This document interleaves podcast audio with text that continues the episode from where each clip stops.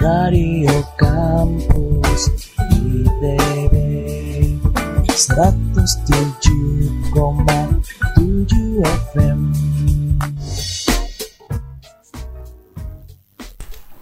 Seratus tujuh koma tujuh FM. Radio Kampus ITB, play your best music. Halo teman-teman mahasiswa, perkenalkan nama gue Fatur. Dan gue Dea, dan kali ini eh, untuk post podcast episode ini kita akan ditemenin oleh teman-teman dari FCIP Cimsa FK Unisba. Halo. Halo teman-teman semua, aku uh, Yasmin Ardhya Putri dari Cimsa FK Unisba. Aku Naura dari Cimsa FK Unisba. Nah, buat teman-teman ini eh, kita enaknya panggilnya siapa nih kakaknya? Uh, Yasmin aja boleh kok. Oh, Iya. Yasmin. Naura aja sih. Yasmin dan Naura. Nah, Iya. Nah, jadi kira-kira kenapa ya kita mengundang teman-teman dari Unisba kira-kira?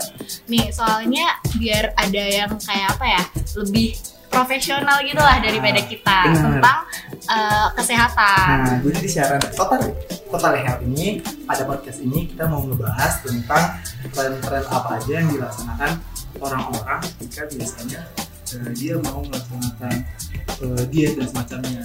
Nah, Iya benar banget. eh, karena ternyata pernah nggak sih ngerasa kayak orang-orang diet itu kan berawal kayak, aduh gimana nih? Minder gitu Iya, ya. kondisi badan gue, tubuh gue kira-kira kayak gak ideal gitu. Iya, terus eh, kayak gitu tuh lebih ke ketuntutan sosial aja sih. Padahal mungkin sebenarnya badan dia tuh ideal-ideal aja. Cuma karena dia ngelihat standar-standar beauty di TV-TV gitu tuh. Nah, kadang-kadang gue sendiri suka bingung gitu loh deh. Jadi kalau misalkan ada orang bilang kayak, waduh, tuh gue gemuk gak sih? Emang kalau gue gemuk dari mana gitu loh? Karena Iya, orang suka standar gemuk dan enggaknya tuh beda-beda gitu loh. Iya, dan mereka tuh terlalu ngeliatin yang di TV-TV gitu gak sih? Padahal menurut gue nih, kalau yang di TV-TV tuh eh, kayak model-model gitu terlalu kurus menurut gue Nah, malah. bener banget. Apa Dan- tau gak sih ada orang yang kayak pengen banget eh, apa nih perutnya nih atau eh, badannya nih ada pakai uang kertas.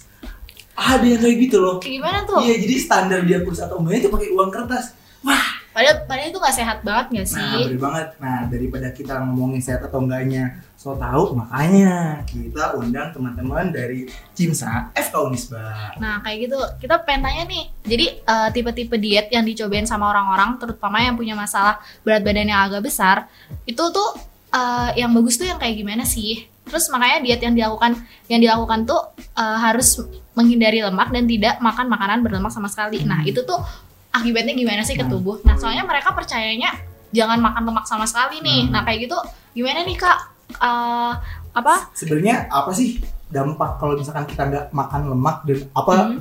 eh, yang bakal tubuh respon kalau misalkan kita malah mengurangi konsumsi lemak itu apa sih kak? Oke. Iya. Mau tahu juga nih kalau misalnya makanan-makanan lemak tuh kayak gimana sih? Coba contoh dong. Kayak eh, gorengan Yoi. Gorengan banget, enak banget ya. Gehun ditambah apa lagi? Terus misalkan tambah lagi yang lemak tuh Bala-bala, cireng. Oh, banyak banget kan makanya ya yang itu. intinya yang jajanan-jajanan gitu lah ya yang Jajan- murah meriah sih? Iya. Yoi. murah meriah cepet kenyang dapet, dapetnya cepet gitu loh Dan Oke. minyak. Dan Minyak berminyak. Iya, sebenarnya lemak itu em, lemak itu harus harus ada di dalam tubuh. Kenapa? Karena sebenarnya kita bisa bagi dua nih lemak. Lemak itu ada yang lemak jahat sama ada yang lemak baik. Nah, kalau misalnya kita nggak punya lemak, em, gimana ya? Kalau misalnya kita bisa bilang hormon itu butuh lemak loh, gitu. Hormon kayak testosteron, hormon kayak androsteron, itu tuh yang menyebabkan tubuh-tubuh kita tuh bisa bekerja dengan baik itu adalah dari lemak tersebut kayak gitu. Nah, jadi kita eh, oke, aku kenalin dulu ada yang namanya lemak yang baik, namanya itu HDL. Oke. Itu lemak baik. Terus ada nama juga yang namanya eh, lemak jahat. Itu Oh. adalah LDL. Mungkin bisa kita cek eh, kayak LDR kali ya. Ah, jadi itu distance. jahat gitu ya, long distance relationship. Oh. Beda-beda. Jadi itu LDL. LDL, LDL itu lemak jahat. Nah, kalau misalnya kita cek lab atau Hmm. tentang lemak, kalau HDL-nya naik atau tinggi itu berarti bagus. Baik. Ya, tapi kalau misalnya LDL-nya dia Yang tinggi, nah itu berarti jelek. Nah, kenapa nih kalau misalnya lemaknya tinggi, eh, dia bisa jadi jelek? Karena itu akan meningkatkan resiko, tahu kan penyakit jantung Oh, koroner, iya. ya kan, terus juga obesitas kayak gitu. Nah, jadi sebenarnya itu, tapi lemak juga dibutuhkan tadi. Yang pertama untuk mm, pembuatan hormon juga. Hmm. Terus yang kedua juga aktivitas fisik itu sangat diperlukan. Nah, sebenarnya em, itu sih. Oh, Kayak jadi gitu. sebenarnya nih kita tuh sebagai orang juga sangat membutuhkan lemak juga ya. Jadi Iya. nggak bisa banget ngekat bener-bener nggak makan lemak sama sekali. Iya, nah mungkin dari makanan-makanan yang bisa aku kasih saran untuk eh, apa sih lemak yang Nah, bisa kita, iya yang bisa kita, kan ada lemak baik dan lemak Lemak jahat jahat. nih. Nah, Hmm. yang jahat iya yang jahat tuh kayaknya udah jelas sih kalau jahat mungkin bala-bala kayaknya yang jahat Yang jahat, yang jahat mantan gitu. Oh, bukan ya? LDR kali ya, Bukan, bukan. LDR yang jahat. Oke, LDR Iya. yang jahat. LDR yang jahat ya. Jadi LDR yang jahat. Nah, itu tuh bisa ada yang namanya saturated atau unsaturated, tersaturasi atau tidak tersaturasi. Yang eh, yang baik itu yang dia unsat- unsaturated. Oke. Contohnya itu contohnya apa ya? Tapi eh, untuk saturated sendiri itu dia yang goreng-gorengan. Oke. Iya, yang goreng-gorengan. Goreng-gorengan. Seperti kayak misalnya eh, fried chicken, Hmm. terus Bala-bala. kayak ya fried fried fried fried gitu kan kayak gitu kayak junk food dan sebagainya tapi kalau misalnya uh, lemak itu kita mungkin bisa kasih contoh satu buah yang lemaknya itu banyak banget tapi sebenarnya dia baik, Baik. apa? Ada yang bisa tebak? Eh, lemak yang bermanfaat. Iya. Uh, buah buah. Oh, buah, buah. buah yang berlemak. Durian Buah yang- berlemak nggak? Enggak ya? Bisa Buah. Sih Manggis nggak sih? soalnya dari Karena A dari A dari A. Yes alpukat. Oke. alpukat tuh bagus banget. Alpukat tuh dia lemaknya banyak lemaknya banyak tapi dia lemaknya yang baik. Gitu. Jadi kalau misalnya kalian mau mau turunin berat badan atau mau diet eh, Lebih silakan ya? makan Oh, buahnya kayak bisa gitu makan. dibandingkan ya dibandingkan makan gehu Oh, iya benar kayak gitu Nah, jadi ngemilnya jangan makan, jangan ngemil Jangan gorengan, ngemil ngemilnya alpukat ngambil aja. ya Ngambilnya kacang kacang alpukat. terus eh, apa gandum itu bisa Oh, jadi kayak lebih ke yang nabati-nabati rata-rata Iya, berarti ya? iya. Oh, bener juga tuh, Di. Bisa juga tuh kita minum minumnya jus alpukat, Iya. makannya, Iya, iya. makannya kacang. Nah, gitu. Terus udah tuh sehari-hari itu aja tuh. Gak boleh juga kalau gitu ya, kita harus diimbangi juga ya. Iya. tetap diimbangin ya Oke, bener-bener bener. Terus Nah. nih ya, gue juga suka penasaran deh. Kadang-kadang kan orang tuh selain ingin mengurangi lemak, kadang-kadang juga mikir ada satu lagi nih.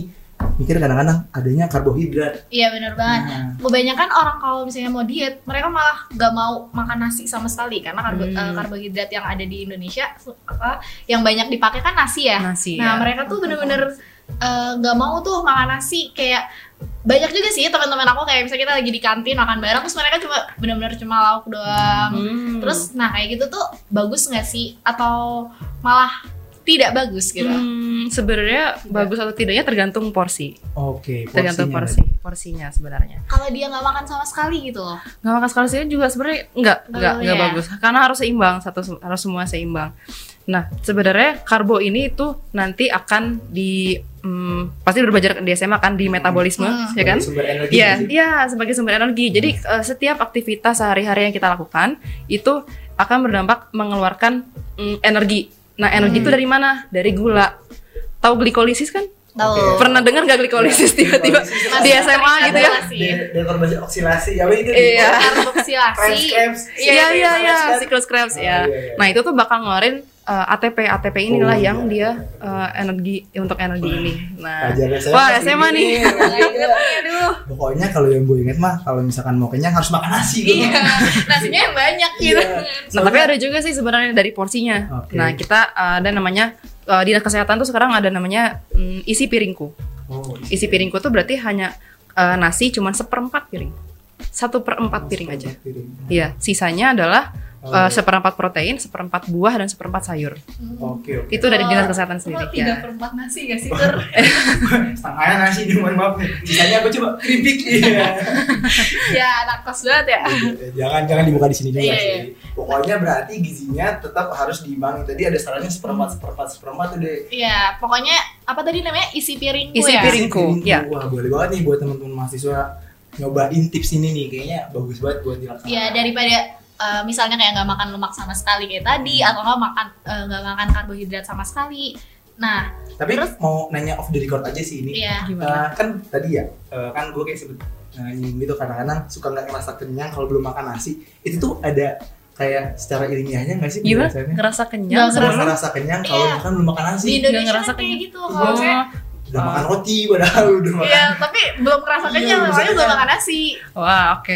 Ya, sebenarnya itu sebenarnya bisa ini sih, feeling sih Oh, sebenarnya feeling. kayak iya kayak aku tuh harus makan nasi karena makan nasi itu adalah makanan pokok Makanan kita pokok, gitu kan. Sebenarnya kalau dari Iya. ilmiah sebenarnya kita punya ada namanya em, sebenarnya medis sih ini medis Oh, oke. ada yang namanya kayak protein CCK nah itu bisa meng- kalau misalnya CCK ini tinggi itu dia dapat mengakibatkan oh kita udah kenyang nih kayak gitu perasaan oh kita udah kenyang nih itu kalau CCK-nya tinggi CCK-nya tinggi gimana dengan adanya makanan asupan makanan terus-terusan Oke. Iya, berarti kayak gitu. Selain ternyata kayak persepsi lah ya. Iya, persepsi. Kita mikirnya udah kenyang apa belum? Ya emang orang Indonesia aja nggak sih biasanya gitu juga kan soalnya. Iya. Nah terus selain Eh, itu, aku pengen nanya juga nih sebentar. oke boleh boleh. Eh, boleh. kalau misalnya sumber karbohidrat tuh ada yang lebih bagus dari yang lain gitu nggak?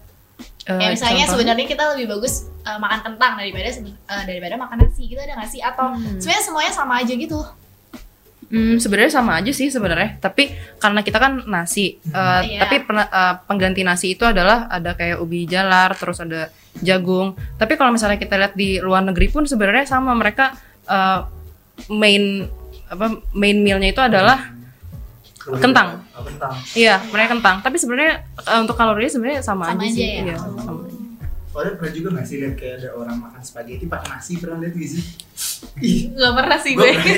pernah ini beneran. Dia kayak temen gue tuh kayak ada dia tuh di spaghetti kan nasi lagi terus gue kayak gini gitu kan kayak lu kok makannya karbohidrat sama karbohidrat, Karbohidrat gitu. Terus dia bilang gitu soalnya kalau dan nasi misalkan ya.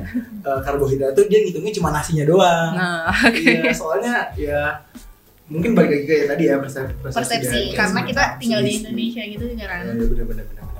Terus selain itu kita juga merasa pernah gak sih Dik, lu kayak searching searching browsing browsing lihat kayak gimana caranya lu mengidealkan tubuh tuh dengan olahraga untuk membakar kalori. Iya bener banget. Kalori di sini nih sebenarnya emang seberpengaruh itu nggak sih buat eh, kesehatan dan buat kayak mengurangi berat badan itu sebenarnya? Iya soalnya eh, banyak juga kan diet-diet yang kayak gimana ya eh, makan sehari tuh 1000 kalori aja gitu Mhm. untuk Mhm. gitu. Nah itu tuh sebenarnya ngaruh nggak sih?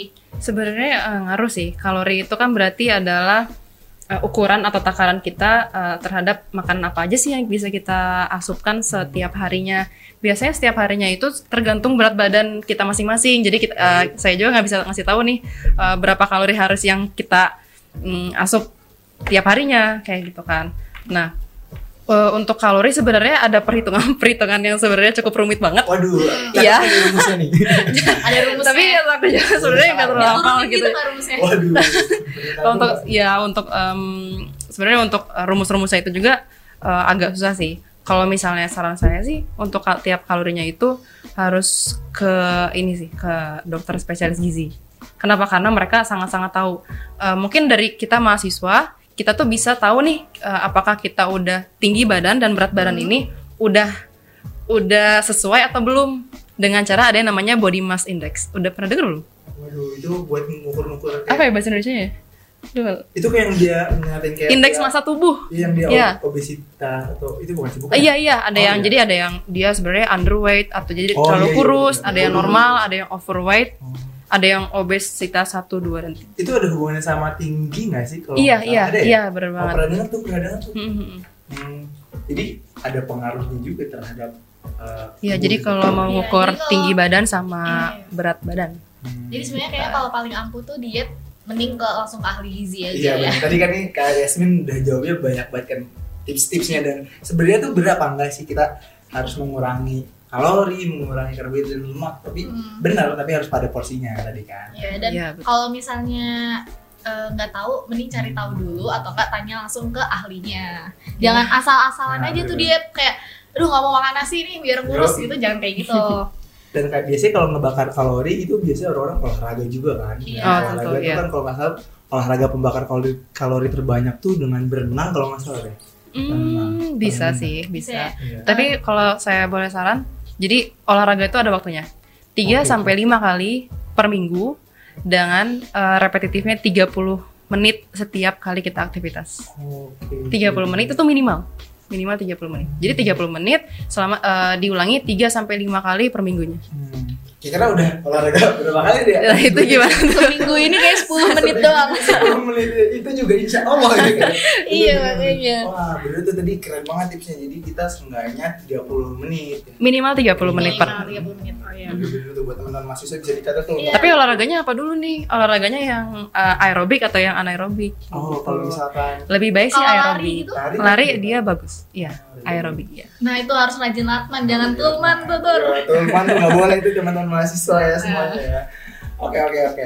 Nah. Terus lu ada pernah lagi nggak nih deh tentang kira-kira diet-diet yang suka orang-orang tuh suka salah kaprah gitu lah. Gini, eh, gue tuh sebagai kaum generasi Z yang suka main Instagram, pasti banyak artis-artis yang suka kayak dapat endorse Oh iya benar endorse suplemen diet atau pelangsing gitu. Nah itu tuh buat biasanya orang-orang masih kayak wah daripada daripada uh, apa namanya daripada pusing-pusing mikirin, Mikirin. uh, gizinya harus berapa kalori yang Nah, masuk iya, terus uh, capek-capek olahraga gitu kan mending langsung minum suplemen aja kan langsung berapa tablet eh kurus gitu Apalagi nah biasanya terkenal dengan jadwal-jadwal nggak sih? Aduh, gua sibuk nih, gua gini gini gini kayak jadi malas juga kan buat olahraga atau iya ngurangin porsi makan dan iya dan ini biasanya uh, sama mereka dijadiin kayak jalan pintas Nah. gitu lah Bener. Nah kayak gitu tuh Hmm. boleh nggak sih kak? Aman nggak Wow. tuh? Soalnya sebenarnya yang aku lihat di Instagram tuh orang-orang udah udah pada mulai make aja gitu loh. Mulai make ya? Hmm, oke. baik nggak sih kak?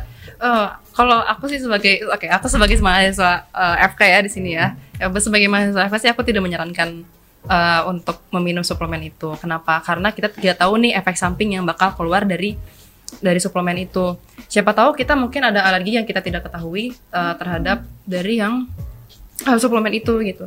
Saran saya sih tetap tetap eh, kalau misalnya mau ada saran nih mau turunin berat badan atau enggak itu tetap eh, pergi ke dokter spesialis gizi itu sih sebenarnya karena perhitungannya saya tahu perhitungannya cuman eh, agak ribet sih kalau Oh, misalnya iya. mau diinin juga Tapi ya. biasanya kalau standar suplemen itu baik dan ideal buat tubuh itu ada nggak sih kayak standarnya suplemennya misalkan kalori atau dengan gimana gimana atau isinya tuh minimal ada apa aja di suplemennya. kalau di suplemen em, kurang tahu sih Oh, kalau misalnya itu ya. iya Soalnya biar mahasiswa kayak lebih aware juga kalau misalnya oh gue pengen beli eh, apa tuh suplemen nih terus dia kayak lihat dulu ingredientsnya gitu. Hmm, hmm, hmm. Tetap susah juga diidenti- diidentifikasi. Iya kayak, sih susah juga sih sebenarnya karena suplemen itu dia terbatas eh, kadang memang harus dari saran dokter dari spesialis gizi kayak gitu "Oh, iya, nggak iya." sembarangan gitu kan karena itu yang kita takutin kita takutin adanya eh, komplikasi atau hal-hal yang tidak terduga setelah kita minum suplemen itu kayak gitu Oke oke efek samping efek sampingnya itu ya kali ya. Iya, kalau iya, berbahaya. iya.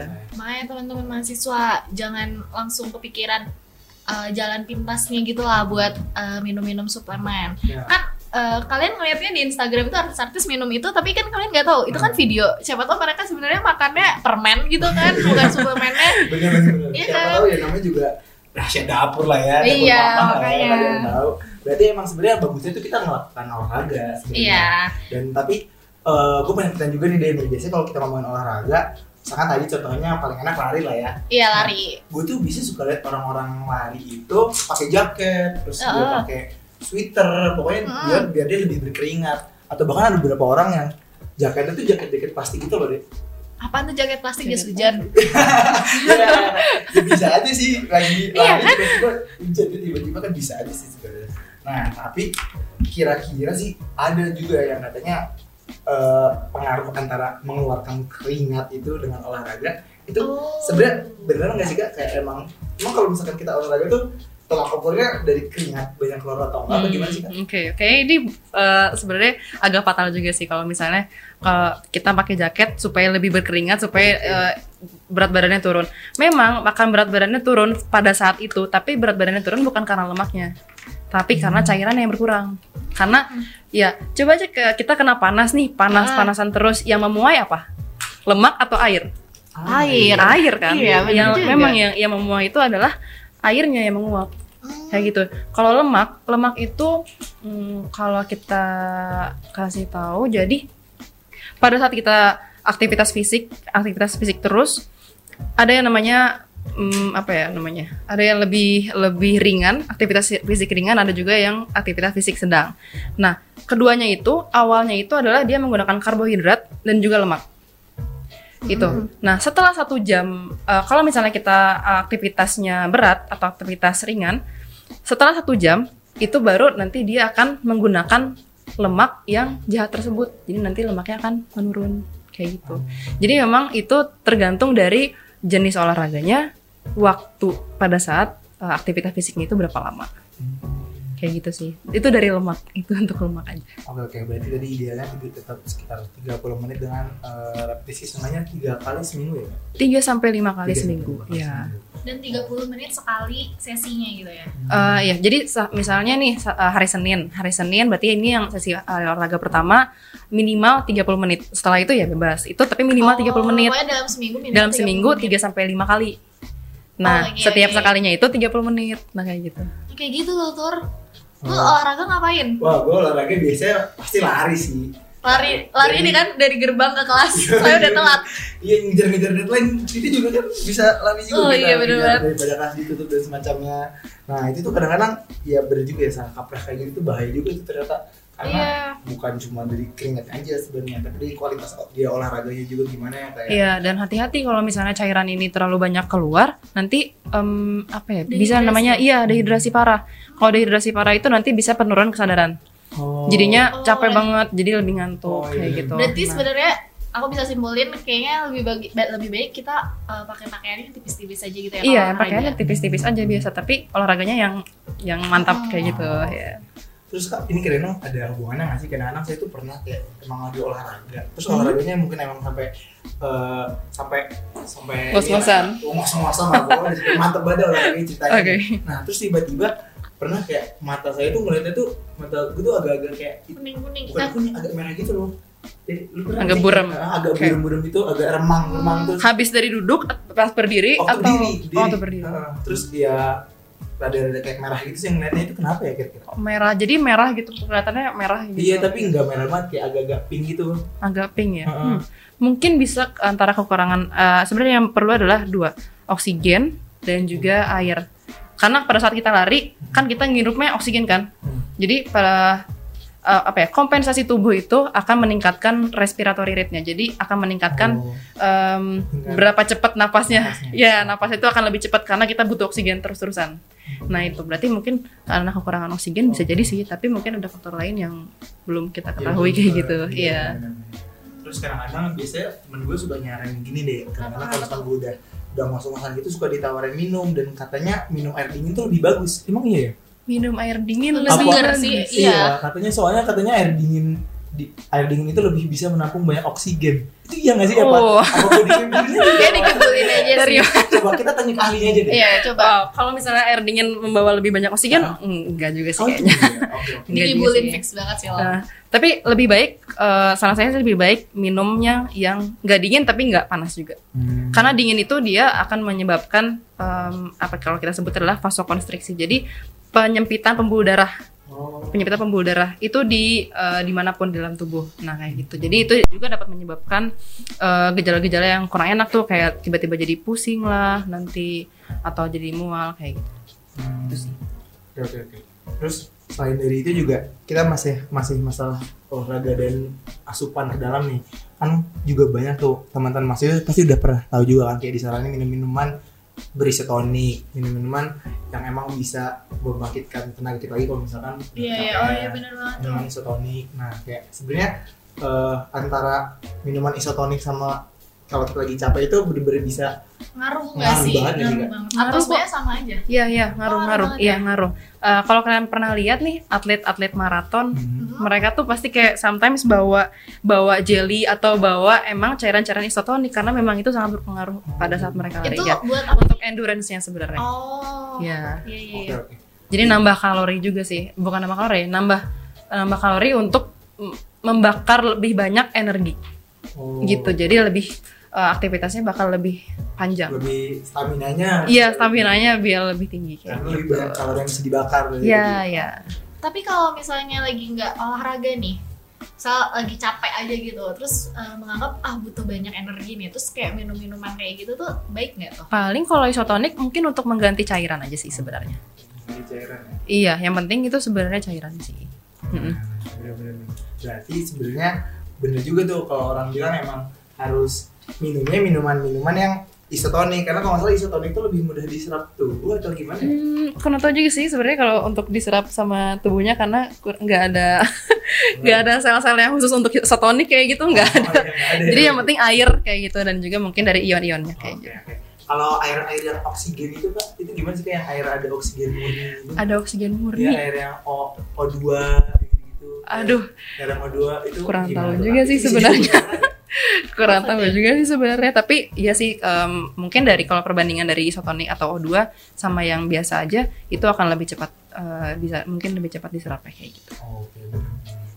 Uh, Nah, terus eh, aku dapat isu-isu lagi nih, denger-denger lagi. Banyak orang yang ngeganti karbohidratnya pakai protein. Jadi dia lebih eh, banyak makan yang mengandung protein. Jadi dia lebih prefer buat eh, makan kayak telur, ikan, lain-lain atau bahkan apa ya? Aku pernah ngeliat juga di kayak di vlog-vlog mereka tuh minum protein shake atau apa ya? Eh, Apa sih tuh? Kayak minuman tapi Nah, itu protein protein jadi nah mereka tuh eh misal mereka makan harusnya tuh jamnya makan sore. Nah mereka tuh cuma minum itu aja. Hmm. jadi nggak nggak nggak cuma kalau menurut aku sih itu cuma protein doang nggak ada mereka nggak makan karbohidrat Itu- lain kayak gitu gitu itu protein shake itu kayak ikan di blender gitu. Nggak tahu juga rasanya gimana ya takutnya dia masak ikan terus dimasukin di blender. Diseduh kan? diseduh ya bener siapa juga. tahu kan pakai telur bisa jadi. Iya jadi eh, salah itu itu salah satu kayak bentuk dietnya dia gitu untuk eh, mengganti makan makan malamnya gitu dengan protein shake-nya itu. Nah, itu tuh gimana sih, Kak? Baik nggak sih? Hmm, sebenarnya protein itu dia untuk uh, muscle building. Jadi untuk uh, Oh, ya muscle iya, buildingnya iya. kayak kalau misalnya ngeliat kalian ngeliat olahragawan yang body apa ragawan binaragawan kayak gitu. Nah itu biasanya mereka memang butuh asupan protein yang banyak kayak gitu. Tapi sebenarnya uh, apabila kalau misalnya kalian memang mau uh, asupan proteinnya banyak, tap- aktivitas fisik yang keluar pun harus banyak karena uh, terlalu banyak protein pun dia nggak baik gitu. Oh, nah itu tuh kalau mau bikin otot-otot minum protein iya. shake itu, gue juga nggak tahu tuh dapetnya di mana. Kayak boleh juga tuh tadi apa ikan di blender. soalnya ada juga orang kayak pakai kayak minum eh yang makan telur kuning telurnya doang gitu loh jadi Oh iya, iya jadi iya. dia makan kuning telurnya doang biar katanya protein asupan proteinnya lebih apa lebih Lebih banyak. gitu kan Hmm. Oh, soalnya ternyata juga ya kurang bener juga tuh jadi dari Iya. kita nih kurang bener semua nih ya. Jadi sebenarnya semua isu-isu yang pernah kita denger tuh salah semua Nah, ya bagus banget ternyata. tadi share eh, podcast kali ini buat teman-teman biar bisa relate gitu ya. Mana yang bener-bener cocok dan mana yang kurang cocok sama eh, aktivitas mereka masing-masing. Nah, terus juga selain itu kan kita juga suka merasa kadang-kadang di eh, selama ini tuh orang-orang kayak merasa apa tuh makanan yang gluten free gitu loh kayak masalah eh, gimana yang gluten itu gula kan ya? Oh, gluten. Gluten itu protein. Oh, protein. Oh, gluten. oke. Salah. Iya. Oke. Gue kira glukosa Iya, ya. makanya kan mirip kan ada GL-GL gitu kan. Mm. Oke, ada yang bilang kayak dia juga mengkonsumsi makanan-makanan yang gluten free itu kak. Nah, sebenarnya gluten free itu apa sih dan kayak dampaknya langsung ke uh, keidealan tubuh? Hmm, Gluten free itu tadi protein. Berarti Protein, nggak ada protein, protein, protein, berarti nggak ada protein. ya? Dia tuh protein yang khusus memang ada di mm, gandum, Hmm. terus eh, di gandum hitam sama ada yang namanya barley. Tapi saya juga nggak tahu itu bahasa Indonesia-nya apa, tapi ada di jadi ada di gandum, gandum hitam sama di barley. Nah, eh, sebenarnya gluten free itu dia khusus untuk orang-orang yang memang alergi terhadap gluten. Jadi sebenarnya kita juga kalau misalnya mau mau makan gluten pun it- it's okay gitu, gak masalah. Selagi memang nggak ada tanda-tanda yang eh, alergi gluten. Nah, kenapa? Karena gluten itu biasanya sometimes bisa bukan sometimes sih, tapi kayak memang dia itu bisa eh, membuat inflamasi atau merusak lapisan dari eh, mukosa intestin, mukosa dari usus. Mm. Kayak gitu. Oh. Ya, Berarti gitu. sebenarnya gluten tuh agak berbahaya juga ya kalau Eh, agak berbahaya apabila memang dia memiliki alergi gluten. gluten. Kayak gitu. Jadi kalau misalnya kayak kita yang nggak ada alergi apa apa tuh sebenarnya Nggak, nggak nggak apa ya, masalah sebenarnya ya. nggak masalah juga. Jadi ini gitu. juga berarti nggak ngaruh-ngaruh banget lah ya nggak kalau terlalu iya sih nggak terlalu ngaruh. tapi sebenarnya itu bagus bagus Hmm. cuman eh, nggak akan berpengaruh kalau misalnya kalian tetap nggak beraktivitas kayak gitu jadi maksudnya beraktivitas fisik sehari-hari Oke. Gitu sih. Berarti intinya tuh eh, dari diet itu adalah Pertama, kayak kita kita juga dalam mengurangi porsi karbohidrat, protein, eh, atau lemak dan semacamnya itu harus sesuai itu dengan aktivitas kita juga. iya Nah, benar tadi ternyata kalau misalkan kelebihan juga emang nggak bagus kan. Mm-mm. Tapi kalau kekurangan juga ternyata tadi nggak bagus juga. nggak bagus. kayak lemak tadi kan katanya kan Hmm. ternyata kalau kita bener-bener kekurangan lemak tuh kayak kekurangan eh, mereka buat eh, apa menambah energi energi gitu kan Mm. Nah, terus juga jangan lupa dibarengin sama olahraga. Dan eh, yang tadi sih yang aku paling inget banget sih tentang eh, suplemen-suplemen itu karena aku sendiri sempet eh, Oh, tertarik ya. Nggak nggak bukan belum pernah belum pernah, tapi tertarik gitu loh kayak wah aku nggak perlu nggak perlu usaha apa-apa. Iya cuma tinggal usahanya paling transfer uang Iya. gitu, berkuranglah uang uang jajannya berkurang dikit terus untuk eh, bayar itu terus aku makan ya udah Iya gitu. banget. nggak perlu jaga-jaga makan gitu lah ternyata har- harus masih tetap jaga makan. Nah. Terus eh, sesuai porsinya tadi. Itu biasanya soalnya suka jadi kayak penyelesaian zaman now banget gak sih? Kayak orang ya udahlah gue males olahraga atau enggak ada alasannya sibuk juga dan iya. beberapa kali males buat eh, dat olahraga itu sendiri atau mungkin emang nggak suka juga buat olahraga. Jadi emang sebenarnya nggak bagus juga kalau misalnya penyelesaiannya lewat sih suplemen suplemen tadi tadi. iya benar banget nah terus eh, oh iya tadi yang pada pakai jaket, plastik, iya itu plastik juga. di Saraga masih banyak banget yang masih Ah, pakai iya, jaket-jaket bener-bener. gitu ya jadi sebenarnya penggunaan jaket itu jangan dimaksudkan untuk apa, menambah keringat Iya. kecuali kalau misalnya udah sore anginnya dingin terus kedinginan gitu Nah, pakai di iya, jaket nggak apa-apa daripada masuk Iya, angin iya. kan bener bener bener Nah, kalau kayak gitu nggak apa-apa. Tapi kalau misalnya larinya siang-siang pakai jaket, wah itu Aduh, jangan. Nanti bener kalian panas, dehidrasi ya. Nah, paling kalau dehidrasi tadi saran dari kakaknya nih paling minum minuman yang eh, ber apa minuman isotonik Isotonik, tadi ya. bagus. Nah, oke jadi kita tadi kan bahasnya udah baik banget nih Dek, tentang gimana tren-tren tentang kesehatan yang ternyata salah kaprah orang Iya. banyaknya. Yang ternyata emang sebenarnya salah gitu. Iya. Orang-orang tuh eh, mengang- eh, karena menganggap oh orang-orang lain tuh ternyata kayak eh, orang-orang lain kayak gitu juga fine fine aja. Padahal sebenarnya mungkin mereka nggak fine fine aja. Pasti ada suatu dampak tapi jangka panjangnya masih panjang. Iya. Bener banget, bener banget.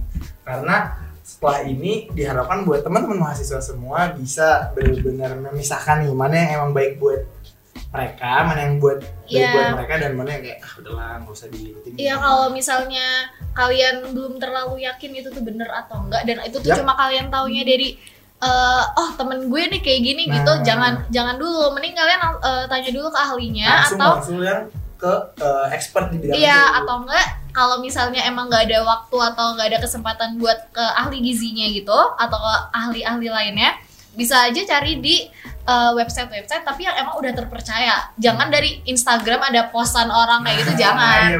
Mending langsung aja ke yang uh, website-website yang belakangnya kayak .com gitu gitu lah. Oke. buat kalau misalnya uh, ngelaprak gitu kan pasti udah tau lah mana website yang uh, apa ya sahih yang sah Sohi yang bener-bener valid. Yang valid itu yang tau lah ya kayak cek gimana. ya. Uh, atau kali- mungkin bisa sambil ngelaprak lihat-lihat kayak jurnal mana Iya. ada jurnal kayak mana yang emang informasinya tuh benar-benar bisa dipertanggungjawabkan ya nggak Atau nggak, kalau misalkan emang biasanya ngobrol-ngobrol ya ngobrol-ngobrol santai kayak gini aja nggak sih sama teman-teman yang emang expert di bidang itu Iya, bener Nah, banget. itu dari teman-teman dari FK teman-teman dari Gizi itu bisa banget nih bahas-bahas hal-hal yang mungkin orang rada-rada suka miss kayak gini-gini Iya, dan juga jangan jangan sotoy-sotoy dulu Nah, gitu lah. bener, bener, bener. Karena rata-rata sekarang udah teknologi semakin luas, udah nggak kebatas. Nah kita yang harus membatasi, ya nggak? Iya benar banget. Nah makanya eh, siaran kali ini berguna, eh podcast kali ini, episode kali ini tuh sangat berguna kan ya. Jangan lupa diterapkan pada Diterapkan. kehidupan, jangan cuma masuk kuping kanan keluar kuping kiri. Terus eh, Setelah itu teman-teman juga di share ke teman-teman yang lain kayak informasi-informasi kita yang udah dikasih ini ke teman-teman semua. Ini bisa dibagi-bagi nih ke teman-teman sebelahnya atau ke teman-teman kuliahnya. Jadi tips-tips and trick yang tadi udah kita kasih tauin itu bisa banget dibagi-bagi. Atau enggak teman-teman juga bisa ngebagi-bagi nih tentang siaran atau podcast yang kita lakukan kali ini. Nah dari episode satu ini tentang bad health trends ini kita bisa saling jadi tahu lah apa mana yang baik dan apa yang kira-kira nggak nggak usah diterapkan. Nah, Nah, terus eh, sekarang kita mau tanya nih eh, ke, ke Kak Yasmin, Hmm. gimana sih tips and trick terakhir nih yang kayak fatal banget nih tips and trick yang paling eh gitu. Oh yang paling gehnya gitu ya. Iya, yang Tentang paling- gizi berarti kan ya. Biar teman-teman bisa share juga ke teman-teman yang lain.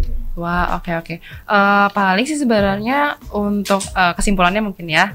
Em, untuk gizi sendiri, eh, kalau misalnya makan, berarti ada ada input, ada outputnya juga. Ada input, ada output. Outputnya berarti ya selain kita mengeluarkan metabolisme, berarti kita juga harus eh, aktivitas fisik. Jangan lupa tadi 3 sampai 5 kali per minggu dengan durasinya 30 menit kayak gitu. Nah, terus eh, oh ya jangan lupa olahraganya juga olahraga yang eh, emang berkeringat dan lari kayak gitu ya. Yoga itu dia nggak nggak membakar. Kenapa? Karena dia nggak ada oksigen. Kayak gitu. Itu yoga karena dia nahan napas. Nah. Jadi yoga tuh buat apa sebenarnya? Yoga tuh kurang tahu juga sih yoga tuh buat, buat apa ya. Tapi ya kayak melatih pernapasan sih. Tapi Oh, iya. sebenarnya dia itu kalau misalnya kalian mau nurunin berat badan, yoga mungkin bukan salah satunya. Oh, Jadi oke. cari yang kardio, kardio yang memang olahraga kardio Iya, kayak gitu. lari lah udah paling. ya. Iya, yang jantung kayak gitu. jantung. Iya. Terus mungkin tips-tips untuk sehat aja kali ya, ter- jangan banyak minum yang manis-manis mungkin kayak aduh nggak bisa nyebut merek juga sih pokoknya yang Iya, manis-manis ya, yang manis-manis. Terus eh, kalau misalnya tadi apa namanya ngemil, kalau ngemil jangan gorengan, tapi mungkin kacang, Kacang. tomat dan Oke, sebagainya. tadi ya Iya. tadi ya. Terus eh, sebisa mungkin hindari junk food dan minum eh, pasti mahasiswa suka minum kopi kan ya? Nah iya Iya. bisa Iya. begadang tuh. Nah, kopi ya kita juga pasti butuh banget kan kopi Ah, kan. Nah, bener. tapi sebenarnya kopi itu ada yang sehat, ada yang enggak. Kalau yang sehat itu adalah kopi yang memang dia nggak pakai gula, nggak pakai susu. Oh. Ya, jadi itu memang sehat buat jantung. Tapi kalau misalnya udah yang manis banget nih, udah yang pakai karamel dan sebagainya Oh, iya. itu, nah itu itu berarti udah eh, termasuk yang unhealthy. Kayak bisa dicatat tuh, di highlight tuh teman-teman tuh. Kopi yang sehat itu yang nggak pakai Gula dan nggak pakai dan susu. nggak pakai susu. Iya. Terus eh, mungkin cukup istirahat ya begadang mungkin mahasiswa agak susah mungkin ya kayak gitu ya. Tapi memang eh, salah satu untuk eh, menjadi sehat adalah cukup istirahat, jangan begadang terlalu banyak dan minumnya air putih. Oke. Iya, paling sering minum air putih. Mantap sekali. Itu sih Terima kasih nih buat teman-teman dari Cimsa Cimsa FK. Kaunisba Oke, sama-sama. masukan-masukan dan saran-sarannya yang keren banget. Iya, bener banget. Bener-bener Dan bisa- juga mengklarifikasi eh, apa yang se- selama ini kita tahu tapi ternyata salah. Nah, bener. Makasih banget udah diklarifikasi. Terima Nah, kasih banget udah mau sharing-sharing sama kita semua. iya. Ya makasih juga udah udah nerima kita tim Saif Kaunisba udah bisa eh, ngebuat podcast juga bareng teman-teman semua. Oke. Semoga apa yang kita buat ini bisa bermanfaat banget ya. Iya. Dan jangan lupa eh, tetap dengerin podcast kita di episode selan episode episode selanjutnya Ya. di eh, Spotify kita di Radio Kampus ITB. Oke, teman-teman semua nanti setelah ini bisa langsung diikutin ya dan dicek Spotify-nya. Oke, 107,7 FM. Radio Kampus ITB, Play your best music. Radio Kampus ITB 107,7 FM